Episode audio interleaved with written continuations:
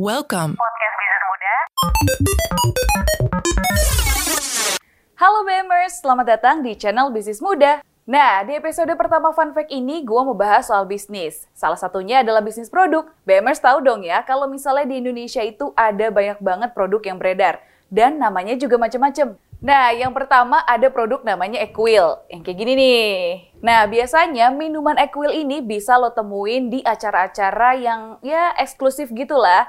Siapa BMers yang mengira kalau minuman Equils ini adalah minuman beralkohol? BMers salah. Ternyata Equil ini adalah minuman air mineral. Nggak percaya? Coba BMers beli deh.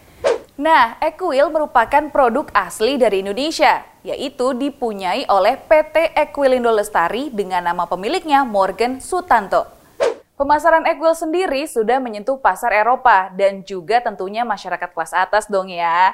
Nah, buat BMers nih yang pengen nyobain berapa sih kira-kira kisaran harganya Equil ini? Equil ini bisa lo dapetin dengan harga 32.500. Satu botol ini 380 mili. Produk yang kedua ada La Fonte. Kayak gini nih. Ayo, siapa yang ngira kalau misalnya La Fonte ini datang ataupun berasal dari Itali? Pemer salah. Ternyata La Fonte ini adalah asli dari Indonesia, yaitu diproduksi oleh PT Bogasari. Bogasari ini adalah bagian dari grupnya Indofood. Siapa BMers yang punya sahamnya Indofood? Tulis di kolom komentar ya. La Fonte itu bukan cuma terkenal di Indonesia aja, tapi ada juga di negara di Asia, seperti Filipina, Korea, Hong Kong, Thailand, dan juga Malaysia. Yang ketiga ada Kodachi. Nah, sepatu yang satu ini itu tenar di tahun 1980-an sampai 1990-an. Dan ini merupakan produk asli dari Indonesia, tepatnya di Kota Kembang, Bandung.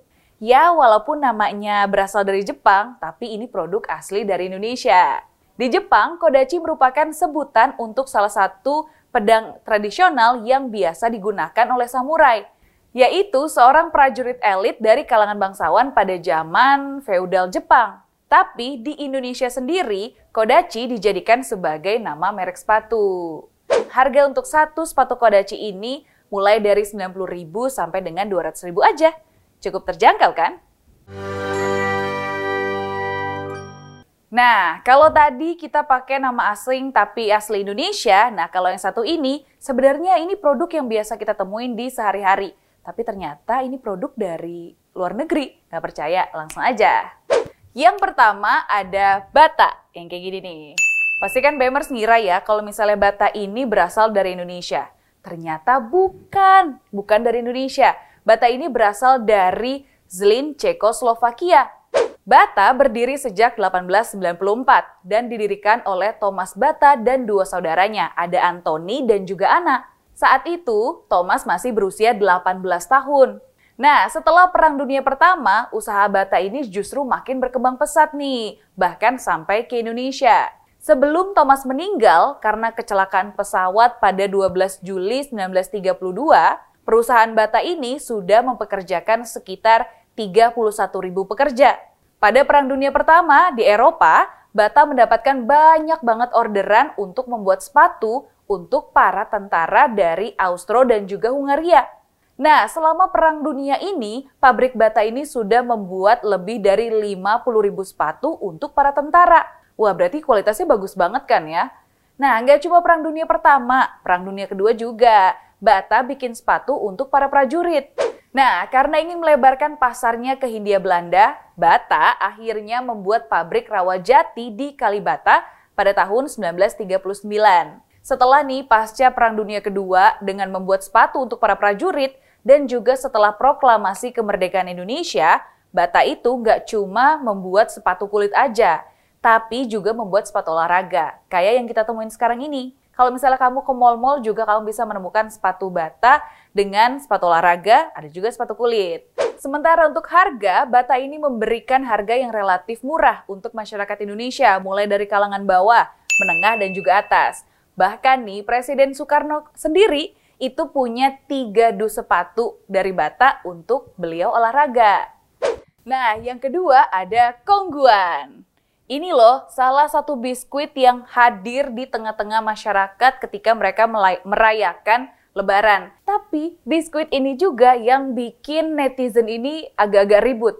Sebenarnya sosok bapak di lukisan kalengnya ini mereka ke mana gitu? Si bapaknya ini ke mana? Tenang, gue akan ngasih faktanya. Yang pertama, menurut sang pelukis kaleng dari Kongguan ini, namanya itu Pak Bernardus Prasojo, keluarga dari Kongguan ini ternyata benar adanya loh. Dan mereka adalah keluarga yang harmonis. Kenapa sosok ayah ini nggak ada di lukisan ini? Karena si ayahlah yang memotret keluarga ini.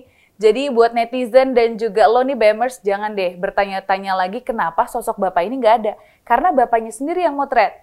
Nah, fakta selanjutnya, Kongguan ini merupakan produk dari Singapura yang berdiri tahun 1947. Kongguan ini didirikan sama imigran kakak beradik, namanya Chu Kokeng dan Chu Kohan, asal dari Fujian, China. Nah, sementara itu, Kongguan nih hadir di Indonesia itu pada 1971. Gak heran ya kalau misalnya banyak masyarakat Indonesia yang mengira Kongguan ini adalah produk Indonesia karena udah ada di Indonesia itu sejak 1971. Gue aja belum lahir sih. Tapi nggak cuma di Indonesia, Kongguan juga ada ataupun hadir di 40 negara lainnya. Kayak misalnya ada di Timur Tengah, ada juga di Eropa, ada juga di Amerika Serikat. Jadi kalau lo yang jalan-jalan ke Amerika Serikat nih, pasti nemu nih kaleng-kaleng Kongguan. Oh iya, nama Kongguan Biskuit atau disingkat KGB itu merupakan sebuah istilah yang biasa digunakan untuk intelijen Indonesia pada era 1960-an untuk menyebut KGB Dinas Rahasianya Rusia. Yang terakhir ada Blue Band. Pasti ibu-ibu, anak kecil, ataupun kamu yang masih kuliah pasti suka sarapan dengan menggunakan margarin ini produk yang salah satu pasti pernah banget kamu sentuh atau pernah banget kamu beli. Nyatanya, Blue Band ini bukan berasal dari Indonesia, bukan. Ternyata Blue Band ini berasal dari Belanda. Tapi uniknya, Blue Band ini bukan dipasarkan di negara Belanda. Pertama kali dipasarkan di Inggris. Ternyata minat dari masyarakat Inggris ini begitu besar. Sehingga Blue Band ini dengan berbahan kualitas bagus dan juga banyak dicari orang, akhirnya mereka mengekspansi itu maksud gue, mengekspansi usaha mereka ke negara-negara lainnya nih dan memperluas pemasaran mereka. Misalnya ke negara-negara di Eropa Timur. Ada juga perusahaan yang mereka buat bernama Unilever pada 1930 untuk menangani dari si Blue Band ini. Nah, selain menyentuh negara-negara di Eropa Timur, Blue Band juga mau menyentuh pasar Hindia Belanda.